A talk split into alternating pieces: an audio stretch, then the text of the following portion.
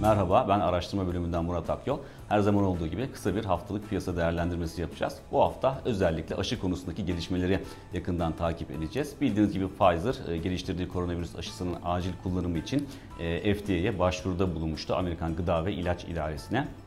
E, bu başvurunun bu hafta 10 Aralık'ta görüşülmesi ve 24 saat içinde de karara bağlanması bekleniyor. Genel beklenti pozitif bir kararın çıkacağı yönünde. Dolayısıyla Amerika'da e, aşılamalar 11 Aralık itibariyle başlayabilir. Bu da e, küresel risk iştahını bu hafta destekleyecek bir unsur olarak çalışacaktır. Bu hafta ayrıca Euro bölgesinde ECB toplantısını takip edeceğiz. Bildiğiniz gibi geçen hafta açıklanan e, enflasyon rakamları Euro bölgesinde enflasyonun yıllık bazda eksi %0.3 olduğunu göstermişti. Dolayısıyla e, aşı beklentileri, aşının hazır olması e, pozitif bir zemin yaratsa da Euro bölgesinde ekonomik aktivitenin e, kısa vadede eski seyrine dönmesi, hızlı bir şekilde dönmesi beklenmiyor. Bu nedenle ECB'nin de e, aksiyon olarak yeni bir adım atarak e, likidite koşullarını daha da arttıracağı bu haftaki toplantısında beklenen ana senaryo. 10-11 Aralık tarihlerinde gerçekleştirilecek olan AB Liderler Zirvesi'ni de haftanın en önemli konu başlıklarından birisi olarak görüyoruz ki e, zirvede Türkiye'ye yönelik olası yaptırımların da